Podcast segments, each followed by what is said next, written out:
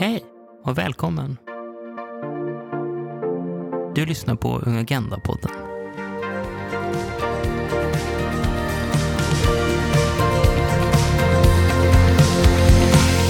Hej och eh, välkomna till eh, dagens avsnitt av Ung Agenda-podden. Mitt namn är Hanna Wellan Fager Och jag heter Elsie Slegård.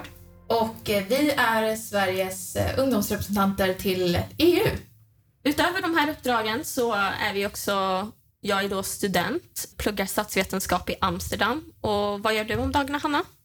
Ja, jag jobbar på en ideell organisation som heter Folk och Försvar som eh, sysslar mycket med försvars och säkerhetspolitik men också fred och säkerhet. Så jag jobbar med eh, unga fred och säkerhet egentligen. Eh, ungas kunskap och eh, engagemang för frågor som rör försvar, säkerhetspolitik och eh, samhällets krisberedskap. Så jag jobbar med både utbildningsverksamhet och eh, programverksamhet. Allt från artiklar, poddar, seminarier, allt möjligt. Väldigt roligt. Och eftersom att vi är EU-reppar trots allt, så vilken är din favoritstad i Europa? Oh, det finns många fina eh, städer inom Europa och eh, inom ramen för, för EU och EUs medlemsländer, men jag skulle nog säga att min favoritstad, som har varit det i många år nu, är Rom. Väldigt diplomatiskt svar. Alla är bra. Mm. Jag brukar ofta få höra att jag ger diplomatiska svar faktiskt. Jag, jag tar det som en komplimang, man kanske behöver vara det i ungdoms, EUs ungdomsdialog, men ja, maten är fantastisk, staden är fantastisk, vi har släktar också, eh, min familj, så vi har varit där och hälsat på dem bland annat och bara gå runt, titta på arkitekturen, historien, museer. Och sen så brukar det ofta vara några grader varmare än i Sverige, så det skadar ju aldrig faktiskt. Nej, det, det är lite kyligt idag i Stockholm. Vilken är din favoritstad? Ja, jag, jag försöker vara lite diplomatisk då också och säga att jag, jag är från Stockholm, jag bor i Amsterdam, eller när det inte är coronapandemi. Ehm, och jag brukar, de, jag, jag tycker verkligen om Stockholm och Amsterdam. Men för att vara diplomatisk och inte behöva välja en utav dem så säger jag då Berlin. Jag, jag tycker Berlin är urmysigt. Jättefantastisk matscen och museerna är ju helt otroliga. Så att jag kan spendera många dagar och bara äta och titta på saker i Berlin. Hur, hur kom det sig att du valde att söka uppdraget som eh, e EU-representant från, från början? Jag eh, såg i annonsen eh, faktiskt förra omgången, så när våra företräd, våra, de, de som kom före oss, Lina och Assan, när de eh, skulle utses så sökte jag också. Dock var jag då 17 eh, och jag kunde var inte riktigt tillåtet och det var väl inte riktigt mitt tema Ehm, då de jobbade med unga på landsbygden och eh, kvalitetsutbildning. Men så såg jag att det var ungdomars demokratiska utrymme och, och eh, jag blev ju riktigt intresserad i politik när Brexit hände, för jag är halvengelsk och halvsvensk då. Så att hela min identitet har byggt på att vara europe. Och när Brexit hände, det blev lite identitetskris för mig kan jag säga. Och då började jag engagera mig i Europeiska ungdomsparlamentet. Vilket är också organisationen som nominerade mig för det här uppdraget. Ja, men då blev det väldigt tydligt att vi måste få unga engagerade i den europeiska demokratin så att vi undviker sådana här katastrofer som Brexit. Så när jag såg att eh, rollen var ledig då tänkte jag, ah, men andra gången gilt kanske. Så att, ja, men då sökte jag och sen hamnade man här. Tänk, du då? Hur gick tankarna hos dig? Ja, men lite samma för mig. Jag minns eh, den här Brexit-omröstningen och jag minns eh, under kvällen, natten där, när man skulle gå och lägga sig, då var det, då var det för Remain. Det, det lutade mot det och sen så, det var ju sommar så jag jobbade på Coop då som jag gjorde flera år och eh, då började jag jobba ganska tidigt. Jag började jobba vid sju, det var, här var midsommarafton. Då hörde jag på radion när jag vaknade att nej men de, de röstade liv. Och sen så kom jag till jobbet eh, då på morgonen och var ganska upprörd. Jag förstod inte riktigt hur man, hur man tänkte då lämna EU om man ska erkänna sin pro-europeiska, eh, pro-EU-sida. Och då fick jag till svar av, av tre stycken ungefär så här.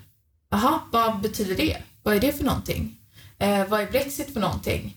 eller bara, ja det var väl tur, de tog sitt ansvar och lämnade. Så då kände jag just det här med EU, EU-kunskapen att eh, dels finns det en vikt av det och eh, att jag har ett eh, eh intresse för EU. När jag pluggade min kandidat vid Umeå universitet så hade jag också en praktiktermin på EU-kommissionens representantkontor i Stockholm Eh, ett halvår där jag fick jobba och få, få mer perspektiv och kunskap om EU-politik och EU-systemet.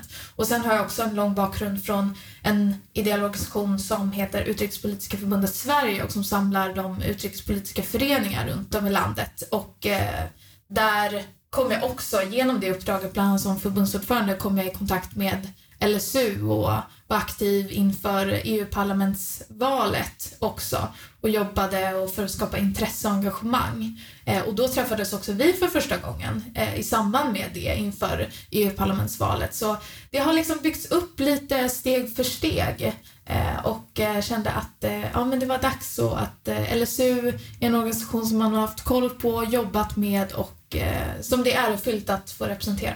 Ja, ärofyllt, absolut man får lite svindel ibland när man tänker på det uppdraget man gör. Men vad är det egentligen vi gör? Vi sitter ju i EUs ungdomsdialog. Men hur, hur relaterar det till EU och vilken del håller vi på med egentligen? Ja, det viktigaste tycker jag att lyfta fram är ändå att ungdomspolitiken, det är ju inte någonting som EU lagstiftar om, alltså ministerrådet och EU-parlamentet, utan det är nationell kompetens som man brukar, brukar kalla det. Men att EU har en viktig roll att stötta medlemsländerna inom ungdomspolitiken. Både ungdomspolitiken på en EU-nivå, exempelvis Erasmus-programmet och utbytesstudier och möjligheter, projektbidrag till ungdomsorganisationer runt om i EU, men det är också jätteviktigt, ett stöttande uppdrag för ungdomspolitiken på nationell nivå, men inte bara det, utan en regional och lokal nivå. Och eh, här finns någonting som heter EUs ungdomsstrategi och inom ramen för den här ungdomsstrategin finns EUs eh, ungdomsdialog och det är den, den dialogen vi jobbar med som ett dialogsforum mellan unga och beslutsfattare. Egentligen en väldigt unik plattform för oss unga Eh, representanter att höras och komma in i, i EU-processen som mest är, om man ska säga, EU-byråkrater tillsammans med beslutsfattare från medlemsländerna. Hur skulle du beskriva det?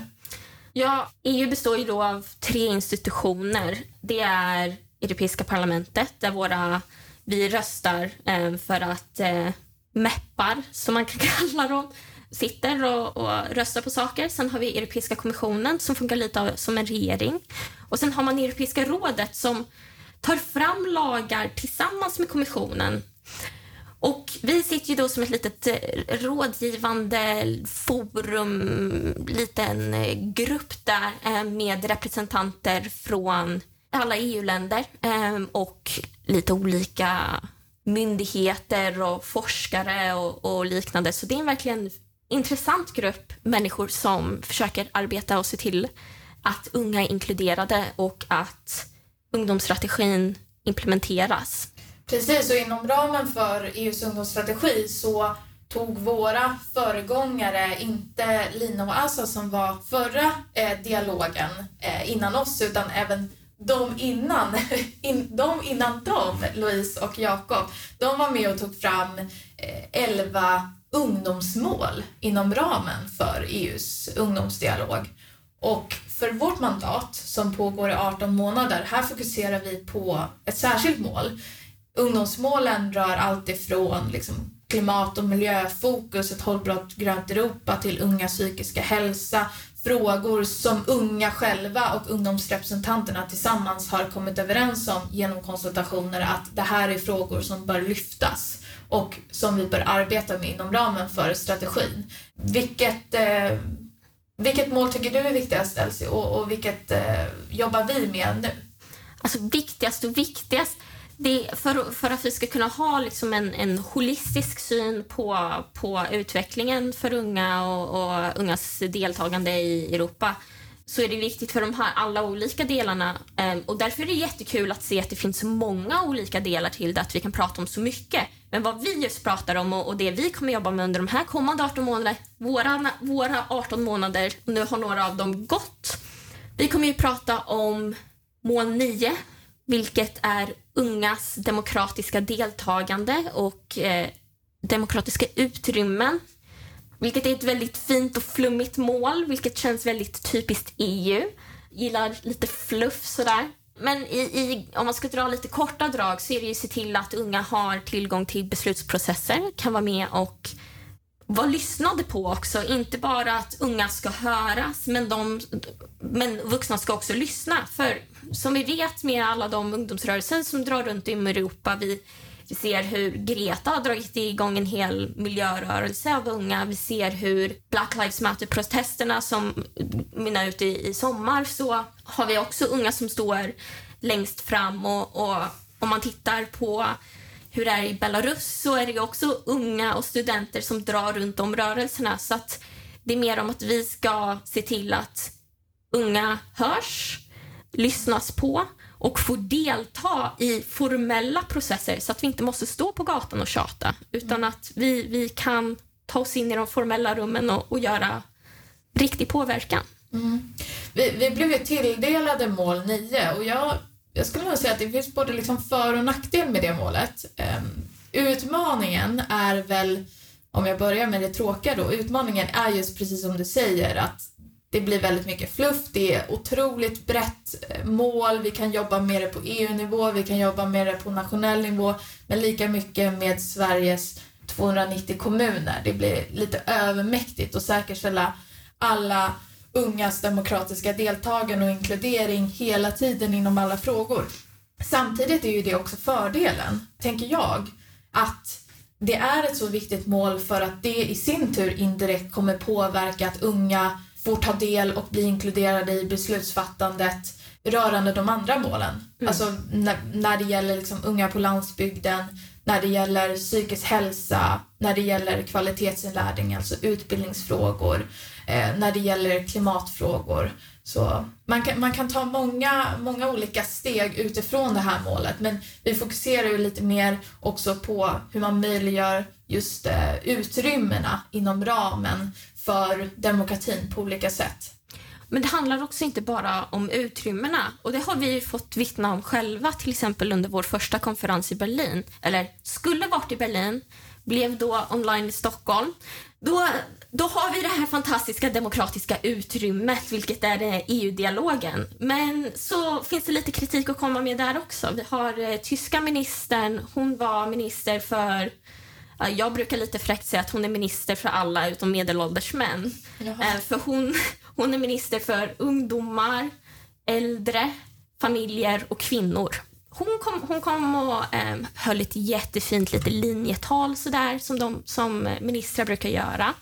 Och sen på slutet på det här talet så tog hon fram, från vad jag förstår eftersom det var online, en, en kub i, i kartong eller papper eller någonting och sa att efter de här dagarna på den här konferensen så vill hon att vi ska skriva ner våra idéer på den här kuben och så ska hon ta med dem till ministerrådet. Och då blev jag lite sur. För att på ett sätt så blir det väldigt tydligt då att hon som minister förväntar att vi som är unga och man tänker ändå det här är, det här är EUs ungdomsdialog. Vi har blivit utvalda av, eh, av respektive nationella ungdomsråd och, och, liknande för att representera våra länder och vi har människor från olika myndigheter. Det här, och så kommer hon och ber oss om att skriva ner våra idéer på en kub. Det blir väldigt tydligt att våra idéer är, det är lite lekstuga på det hela. Vi vill inte ha våra idéer nedskrivna på en kub. Vi vill ha våra idéer nedskrivna i faktiska motioner, vi vill ha det nedskrivet i, i program, vi vill att vi ska tas på allvar. Så även om vi har de här demokratiska forumen som vi deltar i nu så tas vi inte på allvar. Och det är någonting vi också jobbar med. Mm. Och inte nog med att det var en kö på plats. Vi har ju heller inte fått någon återkoppling på vad som faktiskt skrevs ner på den här kuben. Det är ungefär snart en och en halv månad sedan, den första EU-konferensen som genomfördes digitalt. Och vi har inte fått någon återkoppling på vad skrevs ner kub? på kuben och vad, kom vi alla fram till. För att vi kunde inte vara med på alla dialoger exempelvis, alltså alla workshops som genomfördes. Det är ju omöjligt när det är digitalt. Vi var ju i olika liksom, samtal under de här tre och en halv dagarna.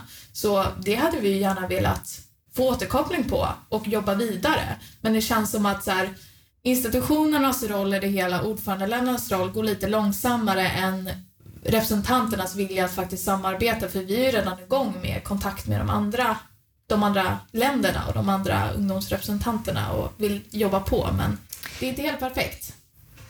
Under EU-konferensen så blev det ju fort ganska tydligt vilka frågor som kommer bli en eh, het prioritering för oss och för de andra EU-representanterna sänkt rösträttsålder från 18 till 16. Vissa länder har redan eh, rösträtt vid 16 års ålder medan de flesta, eller majoriteten av länderna har, har 18 år. Vill du berätta lite, eh, Elsie, vad som, vad som skedde där på EU-konferensen och vilka, vilka tankar vi har fått sedan dess?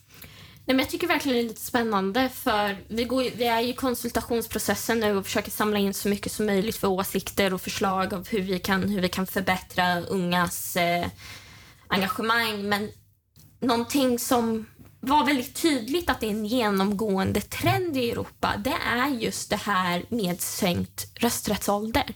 Och det var väldigt spännande att få Ehm, jag kommer ihåg en workshop som jag deltog i ehm, där det var en forskare från Österrike som bara satt och, och, och prisade lovord om hur fantastiskt det var med rösträtt 16 och, hur röstdeltagandet för unga har gått upp dramatiskt och, och liknande. Så att det är jättekul att se det komma upp, för det är en fråga som LSU har drivit på väldigt länge och någonting även som det har skett utredningar för här i Sverige. Så det är någonting som vi har valt att driva. Men Hanna, du kan ju berätta lite varför rösträtt 16 är så himla bra. Ja, precis. Vi var inte helt övertygade i början när vi började vårt uppdrag. När vi visste att vi skulle prata just om eh, ungas utrymme och deltagande så tänkte vi det. Vi vet att LSU driver rösträttsfrågan. Är det någonting vi vill fokusera på? Ja, jag vet inte riktigt. Vi var inte helt övertygade. Alltså, men... vi var ju, alltså jag kan ju säga att jag var inte bara inte övertygad utan jag var ju rent ut sagt emot. Och sen här sitter jag och, och driver det som en av våra främsta prioriteringar. Så att det här är ju också värdet av internationellt utbyte och att man får höra på några bra argument och sen... Sen är man helt såld. Ja, man bara, ja. ja men det här är en bra idé trots allt. Ja. Ja, vi, vi är lättflörtade på så sätt kan man säga. Ja, ja, ja. Har man bra argument så är det inga problem att ändra åsikt. Ja, men verkligen. Och i och med att andra medlemsländer har infört det så har man ju också forskning, precis som du säger. Men jag tycker det är intressant i den svenska kontexten. Du nämnde utredningar tidigare. Vi har demokratiutredningen som rapporterades 2016 eh, och där i den slutsatsen så ville man införa testförsök på kommunal nivå, alltså till kommun, val, valet till kommunfullmäktige. Det gick man inte vidare med. Men i den utredningen så poängterade man också det att genomsnittsåldern om man har rösträtt vid 18 år som vi har och har haft ända sedan 70-talet, det blir ju inte 18 år utan det blir 20 år. Ja, så de flesta får ju faktiskt rösta för första gången när man är 20 och inte 18. Precis. Och, och även det, det vet jag har tagits upp i flera riksdagsmotioner, att man i alla fall kanske inte riktigt vill driva rösträtt 16, men att man ska få rösta samma år som man fyller 18. Men det har man ju inte heller ändrat på. Eh, vi tycker att det nu när vi är sålda på det här det går det ju lite långsamt, att det inte har hänt någonting. Däremot så, så sker det ganska mycket nu. Som sagt, LSU är på tåget och har varit eh, länge. Det är andra organisationer som uppmärksamma det så. Och argument är som sagt ja, men genomsnittsåldern. Men det handlar också om eh, forskning som visar att om man får rösta vid en tidig ålder, exempelvis när man är 16-17 år, då ökar sannolikheten för att man kommer att rösta i val framöver också. Eh, så att man får in ett mönster av ett, ett valbeteende av att delta i den demokratiska formella processen och lämna sin demokratiska röst. Så det är också en viktig aspekt. Ja, för vi vet ju att unga är jättebra på att använda sin röst utanför den formella processen då och protester och liknande. Men just att få unga inkluderade i den formella processen kan vara lite svårt. Och då har vi ju också pratat lite om hur vi måste ha lite lika tillgång till beslutsfattande för alla ungar och ta tillvara olika bakgrunder och se till att unga med funktionsvariation har också samma tillgång till beslutsprocesser som funktionsnormativa. Så att det finns ju en hel annan dimension på det här, att vi inte bara ska vi ska inte bara öka ungas deltagande i demokratin men också se till att personer som ligger långt utanför den demokratiska processen kan dras med Ehm, och se till att representationen är bättre och att, att vi får en mer demokratisk demokrati. Mm. Någonting som också togs upp under ungdomskonferensen som du var mer involverad och diskuterade var just ungdomskvoter också. Och om man tänker så här att unga ska representeras i formella processer utöver då val så har ju vissa lovordat då att man ska ha ungdomskvoter. Men just som du säger, det, det skapar ju eh, vilka kommer att fylla de här ungdomskvoterna? Det kanske är de redan sålda och redan engagerade i samhället på lokal, regional nivå som får möjlighet då att representera unga i den formella strukturen om man inför ungdomskvoter. Vill du bara nämna lite, lite hur diskussionen gick där under ungdomskonferensen just kring ungdomskvoter? Nej, men det är väldigt spännande också det här när man eh, får träffa folk från olika delar av Europa. Det blir väldigt tydligt vad Sverige har för rykte och, och vad vi, folk har för fördomar om oss. Och då var det många som hoppades att de skulle kunna få lite stöd ifrån oss att implementera ungdomskvoter. Då bland annat några tror forskare från Spanien, om jag kommer ihåg rätt, som eh, under en workshop pratade om hur Sverige hade blivit jämställt helt med hjälp av kvoter. Och Då kunde man ju tillrättavisa och säga nej, inte riktigt så det gick till. Utan kan man ju ta det tydliga exemplet att anledningen varför det är bra med jämställdhet i, i, i Sverige är ju bland annat för att man har skapat förutsättningarna för kvinnor att delta. Och på samma sätt måste vi göra med unga. Vi måste skapa förutsättningarna så att unga kan delta. Vi måste göra eh, processer mer transparenta. Som engagerad i frågor så är man väldigt mån om att det det är ju inte särskilt sexigt ämne utan det är ju väldigt byråkratiskt och, och lite trögt och fluffigt utan vi måste ta ner det och konkretisera det och göra det mer lättillgängligt. Och det här handlar inte om att bara få unga engagerade utan alla engagerade egentligen. Mm. Så att ungdomskvoter var jag personligen inte världens största fan av. Men det, det är spännande att få se de olika förslagen som tas fram. Men det är på EU-nivå. Mm. Och vi håller ju inte bara på med att implementera det här på EU-nivå utan vi ska jobba med nationell, regional och kommunal nivå också. Så att där har vi några förslag också. Ja, nej men precis. Utifrån det målet som vi jobbar med, att kunna delta och få utrymme att delta både i civilsamhället och i politiken. Det handlar ju mycket om, som ung, att man får möjlighet att forma sin vardag eh, i den kommunen man bor. Och här vill vi fokusera lika mycket på kommunal och i förlängningen då regional nivå. Vad som är viktigt här är att unga får möjligheter, alltså delvis på längre sikt så hoppas vi att vi kan sänka rösträttsåldern i, i kommunalvalen, vilket gör att man får den formella möjligheten, men också att det finns prioriterat. Dels ungdomsfullmäktige finns det, det finns ungdomsråd, men också att det finns vid den kommunala förvaltningen att det finns personer som jobbar och prioriterar ungdomsfrågor. För annars blir det ofta någonting som man ska ha där för att det ser bra ut, men det är ingenting man prioriterar och framförallt så når man inte ut till alla unga, utan det är redan de intresserade och engagerade unga som får ta del och som känner att de är del av samhällsutvecklingen på lokal nivå. För man inte kan känna sig delaktig av demokratin i sitt lokalsamhälle, hur, hur ska man kunna känna sig delaktig i den europeiska demokratin? Så att det handlar om att börja smått och, och dra sig till mer abstrakta och högre nivåer.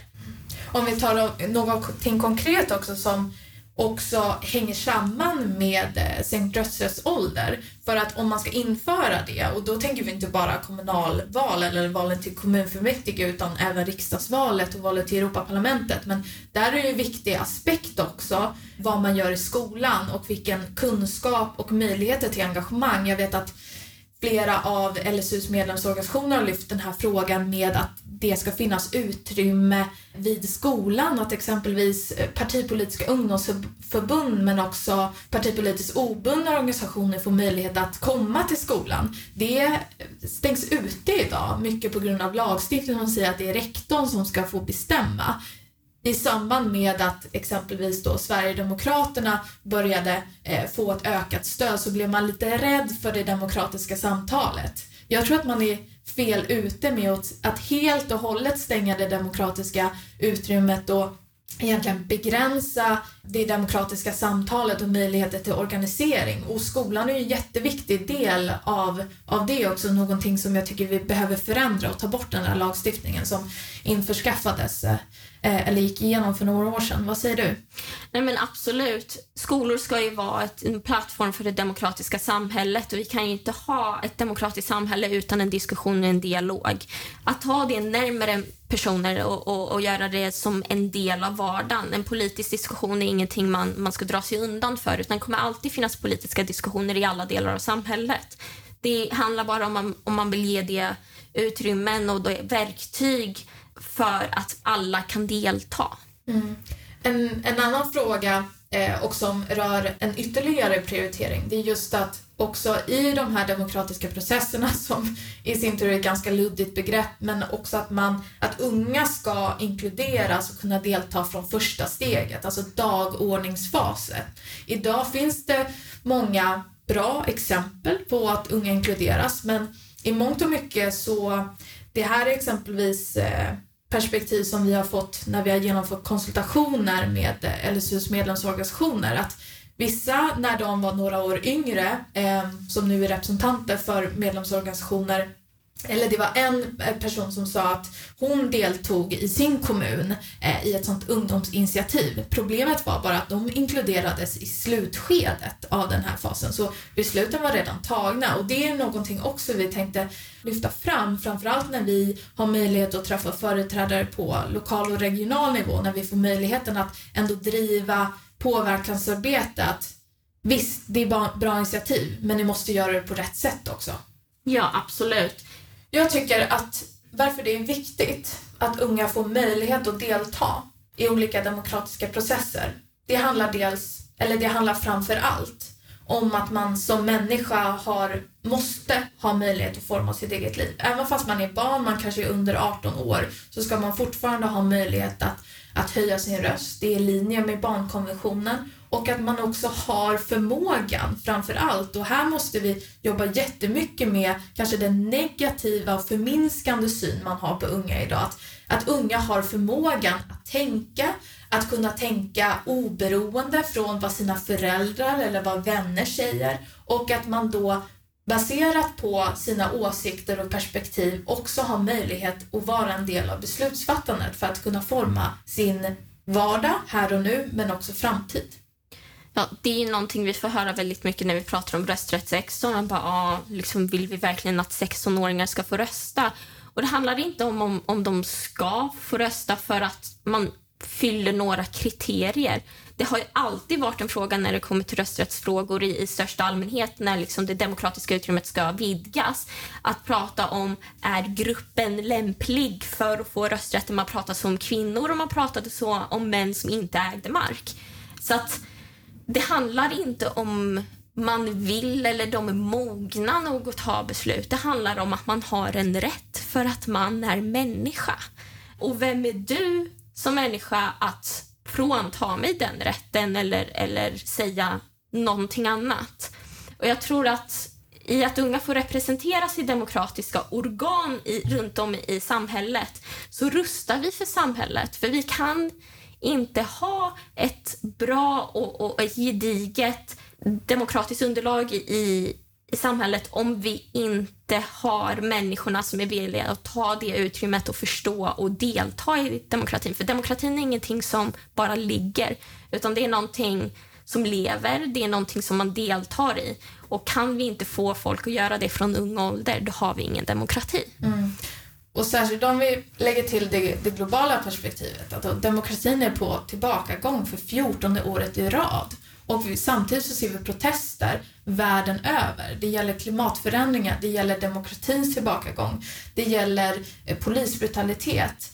Olika frågor och det visar ju också vikten av dels globala utmaningar som vi ser, men också hur det påverkar unga, hur det påverkar äldre, alla egentligen. Men samtidigt så är unga underrepresenterade när det kommer till beslutsfattandet. Så här måste vi ju ändra om eller vi måste förändra och vi måste se till att när det gäller framtidsfrågor och när världen och kanske också Sverige går åt fel riktning, då måste alla eh, få vara med och, och vända en negativ utveckling. Absolut. Så som en liten takeaway tänkte vi då ge fem stycken saker som vi tycker att vuxna bör sluta med när de ska möta unga med åsikter eller eh, inkludera unga. Så första då som jag kan ge är då kuben som pratade om tidigare. Vi vill ta oss på allvar. Mm. Och det andra, det och det känner många av er säkert igen, den här sägningen unga är framtiden. Det kan man också sluta med.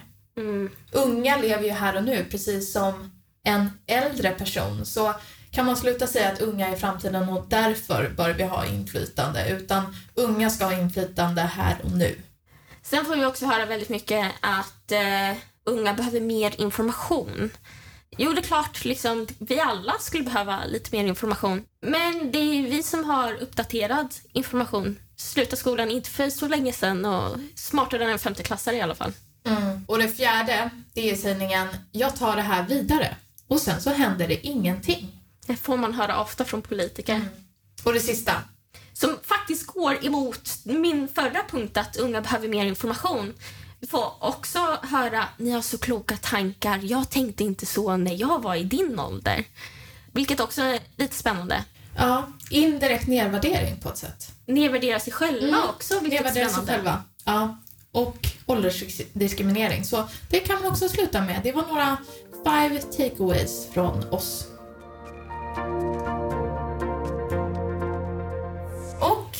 med detta så vill vi tacka så jättemycket för idag. Vi heter Hanna Wärland. Och Elsie Isselgård. Och vi vill gärna eh, komma i kontakt med er om eh, du är ung och du är en representant eller engagerad i en civilsamhällesorganisation eller bara en ung engagerad som vill lyfta dina åsikter och perspektiv kopplat till eh, de frågor som vi jobbar med så får ni jättegärna höra av er och om du jobbar på en kommun exempelvis så kommer vi jättegärna och pratar om EUs ungdomsdialog och våra politiska prioriteringar. Och för att kontakta oss så kan man söka på Elsie, inte Elise, Gisslegård på diverse sociala medier eller lc.gisslegard.lsu.se.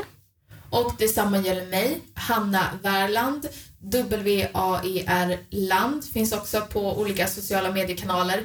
Eh, få som heter Värland, så mig hittar ni lätt. Och eh, mail hanna.värland, lsu.se. Alternativt kan man också kontakta info at lsu.se. Och med de orden så tackar vi för dagens avsnitt. Hejdå!